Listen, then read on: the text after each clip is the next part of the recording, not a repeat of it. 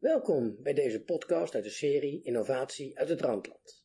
Mijn naam is Justine Marseille en deze podcast wordt u aangeboden door kenniscentrum Creating 010, Hogeschool Rotterdam. En is ook onderdeel van het landelijke project Future Proof Retail.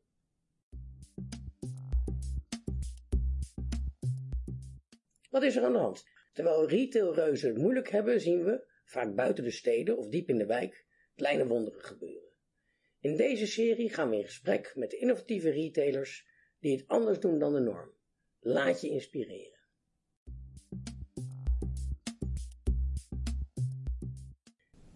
In deze aflevering zit ik aan tafel met Petra de Boevere, influencer avant la lettre en een van de eerste MKB crowdfunding successen. Petra opende onlangs een nieuwe winkel in Terneuzen, de drinkshop.nl.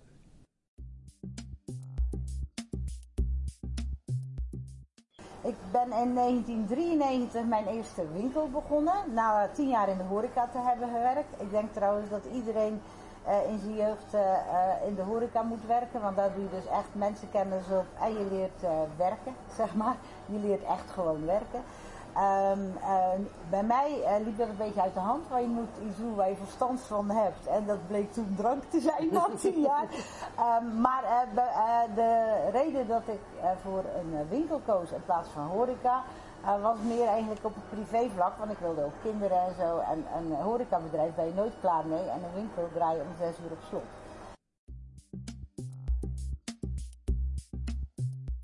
Jij was volgens mij wel een van de eerste retailers in Nederland ook die zo actief was op sociale media, of niet? Um, ik weet wel dat ik uh, uh, ergens in 2003, twee, nee 2003 ben ik beginnen bloggen, maar daarvoor uh, had ik al een beetje zitten klieren met IRC-chats, ja, als je ja, ja, ja. was. En toen ik internet kreeg, ik ben altijd heel nieuwsgierig geweest. Uh, dus uh, waar ik vroeger dingen opzocht in de encyclopedie, lag ineens heel de wereld aan mijn voeten. Dus uh, in het begin met mijn modem was dat het probleem, want het kostte elke keer een telefoon. dus er ging voor mij wel een wereld open. En toen ik ging bloggen, kwam ik er gaande, net als iedereen ik begon in 2003 anoniem te bloggen, omdat iedereen dat in die tijd deed. Want het internet was eng en er kwamen allemaal enge mensen op af. En uh, je ging nooit je naam uh, op uh, internet zetten. En zo is natuurlijk Slijterijmeisje Mhm. ontstaan. Um, dus ik begon een weblog. Toen, dat was toen die weblog even een hype was. maar de meeste mensen zaten op hun zolderkamertje te bloggen.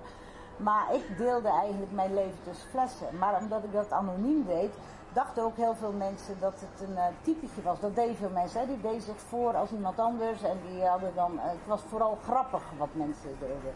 Na een paar maanden had ik uh, in Breskes, in mijn winkel, in de winter. want ik was natuurlijk ook wel afhankelijk voor een deel van toerisme. Um, 40 mensen in mijn winkel gehad op een dag. Maar ik had 1200 bezoekers op mijn weblog gehad. En uh, toen uh, dacht ik van, uh, ja maar als ik 40 mensen in mijn winkel heb, maar vandaag 1200 mensen die geïnteresseerd zijn om te lezen wat ik doe, dan moet ik toch, al is het maar een klein deel van die mensen kunnen interesseren om iets bij mij te kopen. Want als ik dus anoniem blijf bloggen, heeft dat geen enkele zin. Dan kan ik het leuk vinden, hè, gewoon omdat ik die communicatie leuk vind, maar dan heb ik er niks aan. Maar ik wist ook, want herinner ik mezelf nog steeds aan, dat mensen geen reclame willen online. Ze willen geen banners, die willen ze zo snel mogelijk wegklikken. Uh, ze moeten niet het gevoel hebben dat, um, dat hun iets uh, aangesmeerd wordt, mm -hmm. zeg maar. Dus uh, ik ben echt gaan experimenteren. Hoe vind ik een modus dat ik kan delen wat ik wil delen en daar ook iets aan heb zonder dat het irritant is. Ja, daar kwam het op neer. Dus ik ben heel langzaam begonnen eerst... Um, de link, een linkje te zetten naar onze winkel. Hè. Ik had inmiddels, want ik heb sinds 1999, ik was ook al een van de eerste met een webshop. Toen stond je nog op de voorpagina van de krant, hoe verkoop je fles wijn via internet? Weet je Stond jij dat, ja? ja, hoe verkoop je een fles wijn via internet? Dus het was 1999 uh, was dat. Dus eerst uh, een linkje naar die, uh, naar die site. En toen kreeg ik dus reacties, oh je hebt echt een slijterij hè? Ja, ja, ja, ik heb echt een slijterij. Nou, het duurde denk ik twee jaar voordat ik voor het eerst een foto van mezelf, want dat deed, dat deed je niet, zeg maar. Maar elke keer als ik dus meer open durfde zijn, zeg maar, bracht mij dat iets. Ja, ja, ja. Eh, en eh, eh, dus ja, zo ben ik eigenlijk jaren verder gegaan. Maar ehm, ik denk dat die, daarmee heb je dus een netwerk opgebouwd. Dus Ja. ook mensen die een beetje, tegenwoordig hebben we het over bubbels. Maar die mensen die in die tijd aan het experimenteren waren, die waren het helemaal niet altijd met elkaar eens. Maar die hadden wel een open mind, omdat Ja. ze aan het ontdekken waren. Eh, en eh, die tijd lijkt een beetje voorbij. En dat is wel heel jammer. Eh, mensen zitten een beetje in hun eigen bubbel. En dat is sinds het mainstream geworden is. Dat Ja. Het lijkt niet alsof mensen nog openstaan eh voor andere meningen. Om, maar dat ze meer drammen op hun eigen. Ze zijn aan het zenden. Dat, destijds, zeg maar, het succes van social media gebruik was juist dat je ging, eh, de interactie, dus Ja. niet, dat je niet alleen ging zenden. En heel veel eh, eh, winkels die online gingen, die gingen online precies hetzelfde doen wat ze offline deden. Dus of je nou een folder door een brievenbus duwt, Ja. dat is zenden, ja. Ja. Zo gingen ze ook social media gebruiken. Dus die waren helemaal niet gewend dat mensen terugpraten. Eh, of hoe ze daarmee om moesten gaan. Eh, eh, toen kregen ze allemaal, gingen ze allemaal van die cursussen volgen van hoe ga je daar nou mee om. Want oh, mensen praten tegen me. Hè? Dus als er iets. Ik, dus je moest veel transparanter worden. Je, je kunt niet meer zeggen dat iets geweldig is, terwijl er ook minpunten aan zitten die je niet kunt pareren. Ja. Dus doordat mensen terugpraten, is het, eh, dat, dat zie je dus wel steeds vaker, ook bij producten, dat je ook de nadelen ziet. Zeg Ja, maar. Dat ja, zag je ja. vroeger nooit. Die marketeers die eh, benadrukten alleen eh, wat allemaal goed was. Eh, maar eh, de negatieve punten zeg maar, van een product, hè, waarom die dan goedkoper is bijvoorbeeld, of, eh, eh, die werden niet benoemd. Die zie je Ja. nu standaard in de omschrijvingen.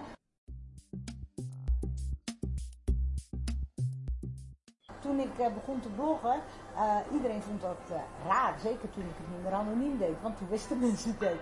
Dus uit mijn branche kreeg ik, en dan heb ik het dus over eh, 2004, 2005, opmerking van ja, je zou beter een beetje je schappen poetsen als je geen klanten hebt. Maar. Ik vond het nou eenmaal leuk en het bracht mij ook wat.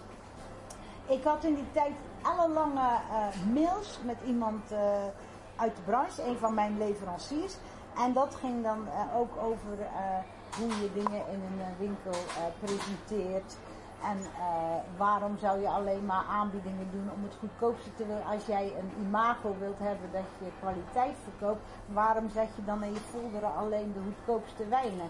Dus wat mensen in de bus krijgen, dan denken ze, oh die verkoopt goedkope wijnen. Hoe kan ik dan in mijn winkel eh, eh, proberen, dan kan ik wel proberen om kwaliteit uit te stralen, maar dat strookt niet met elkaar. Hè? Het is één of het ander. Je kunt je moet kiezen. Hè? Je bent of de goedkoopste of je bent de beste. En dat kan niet allebei. Daarom valt nu ook het middensegment op. Dat zie je overal gebeuren. Die willen, die willen en de goedkoopste zijn en de beste. Maar dat ben je dan niet, want dan ben je middensegment. Ja. Eh, zeg maar.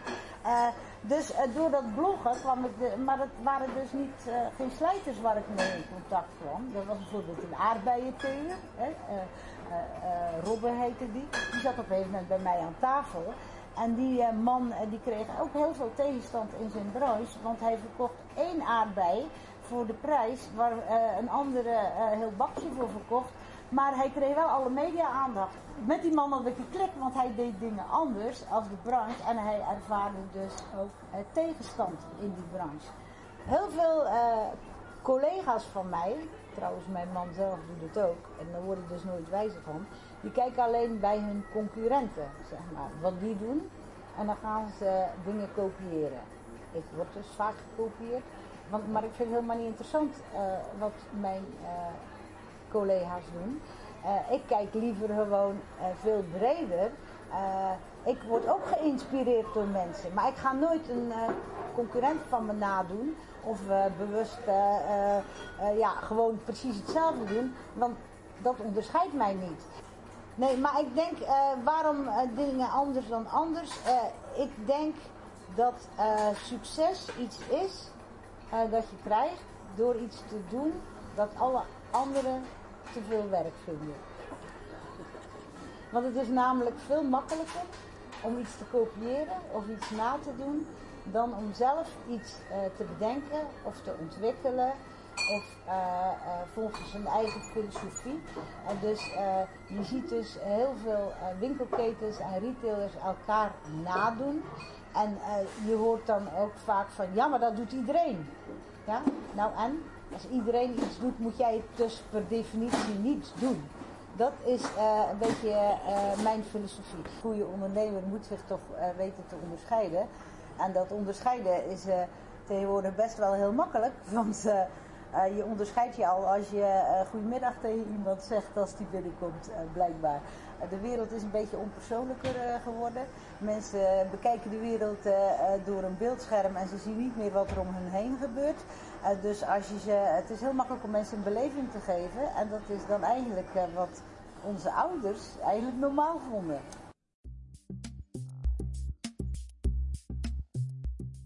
Online actief zijn voor een retailer, daar ben ik inmiddels wel achter, daar hoef je geen webshop voor te hebben. Nee, maar je moet mensen wel nieuwsgierig maken en naar je winkel toe trekken. En als ze dan echt niet kunnen komen of te ver weg wonen, als service wil je dan best wel wat opsturen, maar het is niet de core business. Maar je begint een winkel omdat je met mensen wilt communiceren en omdat je mooie producten wil verkopen.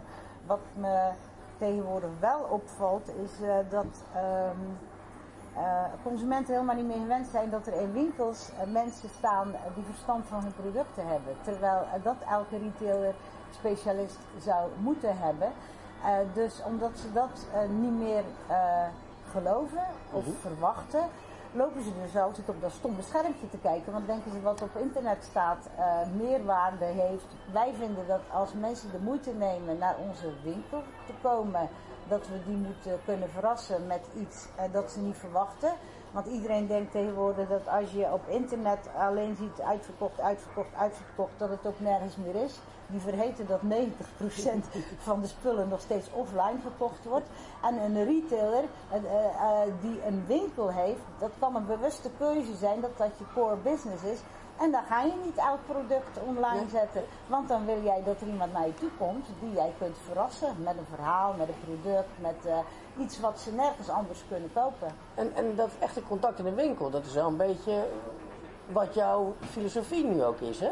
Ja, maar dat vindt niet iedereen leuk. Want uh, wij hebben echt, uh, wij spreken iedereen aan die binnenkomt. dat zijn mensen vaak niet meer gewend.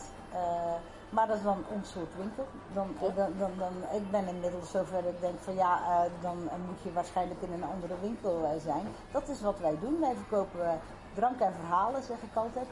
Hey, en, maar je, hebt, je, hebt wel, je was een, een van de eerste mensen met een webshop. Ja, dat klopt. Um, in 99. En nou ja, het was een website, maar je kon toen wel al daar bestellen. Toen heb ik hem heel lang niet gehad omdat mijn eerste bestellingen, want dat was in de tijd dat je nog niet van tevoren geld durfde te vragen. Want mensen kregen, eh, je betaalde natuurlijk pas als je het gekregen had. Dus uh, een van mijn eerste grote klanten heb ik ook flink door opgelicht. Dus daar was ik toen wel even klaar mee. En uh, terwijl ik hem wel goed gecheckt had, bij, uh, want dat was een bedrijf en er stond wel gewoon bij de Kamer van Koophandel. Nou, uiteindelijk heeft me, uh, en ik kon dat niet verkroppen dat, dat, dat hij niet betaalde. Het ging om een paar duizend gulden, was dat nog in die tijd. Dus ik heb daar ook nog een, eh, een, eh, een, een eh, hoe heet dat, zo'n kassokantoorbureau opgezet. Nou, dat heeft me nog eens duizend gulden gekost. Dus daar was ik helemaal klaar mee. Ik ben pas weer een webshop begonnen door dat bloggen. Omdat doordat ik over mijn producten communiceerde, mensen tegen mij in de reacties zeiden van ja, maar kan die dan niet kopen bij je? Wil je die dan niet opsturen? Zeg maar. Dus toen zijn we mhm. daarmee een beetje mee begonnen. Um, op dit moment, uh, in, in onze webshop staan niet al onze producten. Ten, ten, eerste krijgen we dat niet voor elkaar, want daar zou je dan extra kracht voor moeten hebben. Uh, maar ten tweede willen we dus inderdaad die mensen verrassen in de winkel. Ja. Uh, maar die wordt uh, het meest gebruikt door mensen uh, die vooral die naar Sluis gaan en die vooraf in onze webshop kijken of we een product hebben. En wij geven ook heel duidelijk aan, hier staat maar een deel van onze producten, maar als je vragen hebt, stuur gerust een berichtje. Die komen wel hè, via onze Facebookpagina, via het contactformulier op, de, op de webshop of via mailtjes. dus dat zeggen we ook van stel gerust je vragen of bel even, hè, want het gaat dan nog het snelst. Ik kan mhm. direct antwoord geven, loop ik wel even langs de schappen. Uh, dus we proberen die mensen ook wel uh, op te voeden, zeg maar, dat ze dan, uh, want dan staat het er ook voor hun als ze komen, zeg maar. Ehm, dus je hoeft er ook niet alles in te zetten. Ik speel een beetje met de gedachte om eh, mijn webshop inderdaad om te bouwen naar eh, alleen afhalen.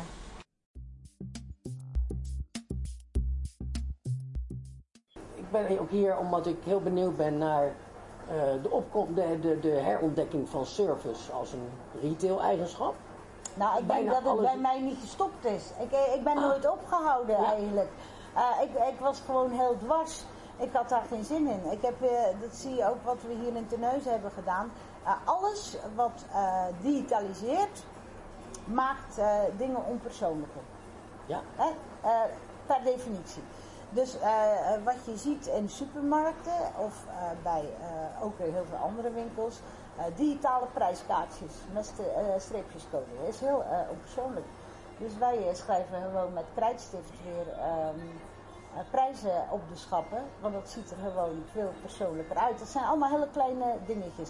Dan zie je dus ook dat dit is door een mens gedaan. Hè? Dit, want ik mm. wijs, ik zal het even zeggen, want dit is een podcast. Ik wijs nu naar het schap, naar het prijsje. Uh, je ziet heel duidelijk dat hier mensenhand aan uh, uh, ter grondslag heeft gezeten. En niet gewoon een, een printer die een reetje uitdraait wat landelijk is aangeleverd. Is dat dan ook hetgene wat jou anders maakt dan andere ondernemers? Dat je het zo persoonlijk ziet? Persoonlijk nou ja, neemt? Of dat, je het... dat, dat, dat weet ik dus niet. ik, ik ben ooit een winkel begonnen omdat ik, ik kwam dus uit die horeca en dan gaat het ook om contact met mensen en een beleving het leukste vind ik van een winkel is contact met klanten. En ehm, heel veel retailers die denken dat verkopen hetzelfde is als afrekenen. Dus iemand die achter de toonbank staat en die uh, een product scant en uh, afrekent, die heeft verkocht. Nee, die heeft kassa bediend, die heeft niet verkocht. Verkopen is communiceren. Wij hebben altijd uh, de relatie boven de transactie gesteld. En dan heb ik het niet alleen over klanten, dan heb ik het ook over onze leveranciers. Uh, ik heb een, uh, een heleboel collega's die alleen op prijs inkopen. Dus als iemand een halve euro goedkoper kan leveren, dan kopen ze daar. Dat is vaak parallelhandel in onze business. Maar de officiële importeurs, die betalen de marketing. Die zorgen dat er vraag naar het product komt. Uh, dus uh, dat, uh, ik noem dat mijn partners, zeg maar. Ja. En soms betaal ik dus 1 of 2 euro meer voor een product. Maar het betekent wel dat ik um, de specials als eerste krijg aangeboden, want ik ben partner. dat zij meehelpen in financiering van mijn ombouw in mijn winkel. Omdat zij brand uh, awareness willen mhm. creëren, hè, dus over hun merken. Dat gaan ze echt niet doen als, als, als jij parallel inkoopt, want dan doe je het buiten hun kanalen. En wat waren de grootste weerstanden en struikelblokken die je tegenkwam? Uh, nou ja, dat mensen je niet begrijpen en uh, dat ze je dus, uh, omdat je dingen anders doet, een beetje als wereldvreemd. Maar dat, maar dat keert dus. Hè? Dus de eerste jaren dat ik blogde had ik dat heel erg. En, maar een aantal jaren later ging ze mij ineens als voorbeeld zien. Dus toen heb ik jaren lezingen door het land gegeven over de rol van social media in ondernemen. ik heb toen wel gedacht van nou over een paar jaar weet iedereen dat gewoon. En dan is mijn verhaal uitgekoud. Mijn verhaal is wel uitgekoud omdat ik overal geweest was en dan willen mensen toch iemand anders.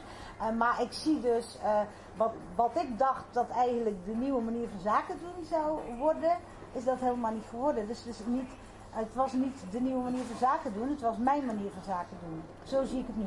Uh, en ik, ik, denk, inmiddels snappen ze weer niet wat ik doe, omdat ik de andere kant op ga.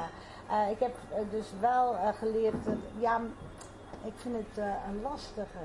De andere kant op gaan? Wat, wat is... Nou ja, wat ik zeg. Uh, omdat het mainstream wordt, wordt dus wat, wat je eerst ziet als iets heel moois. En wat jou heel veel brengt. En dus ook heel veel andere mensen veel zou kunnen brengen in jouw opinie.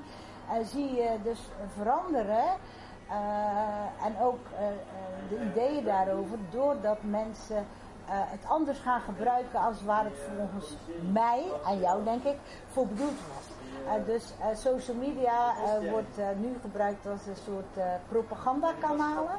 Ik denk dat dat, of dat nou eh, voor eh, producten is of voor meningen, of, eh, maakt niet uit. Eh, zenden, propaganda, propaganda beïnvloeding eh, van eh, meningen, beïnvloedingen eh, van gedrag.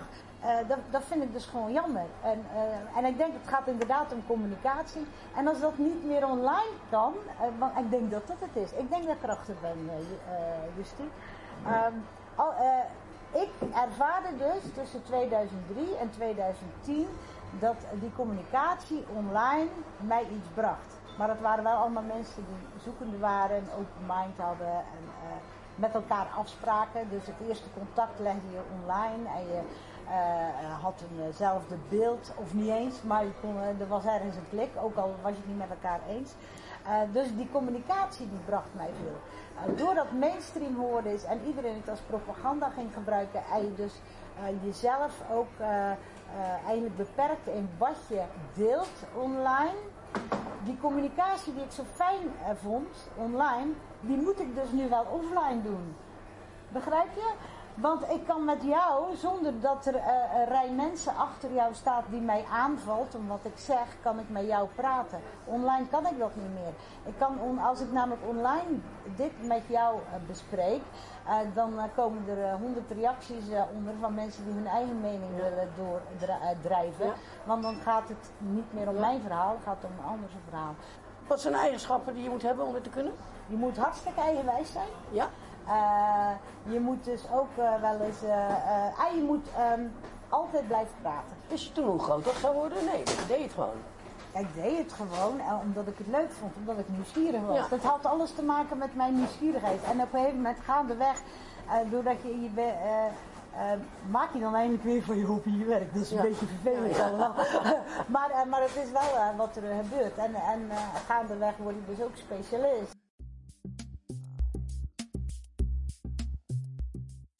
Heel erg bedankt voor het luisteren en tot de volgende keer.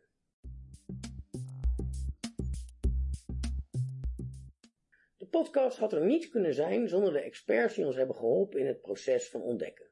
Paulien Schouwenburg, Alexander Grit, Guus Broos, Koen Martijn Hofland, Wouter Spijkerman en Esther Vlaswinkel. Ontzettend bedankt voor jullie input. De podcast werd geproduceerd door Kenniscentrum Trading 010, Hogeschool Rotterdam en valt onder het landelijke project Futureproof Retail. Check de website futureproofretail.nl voor meer informatie.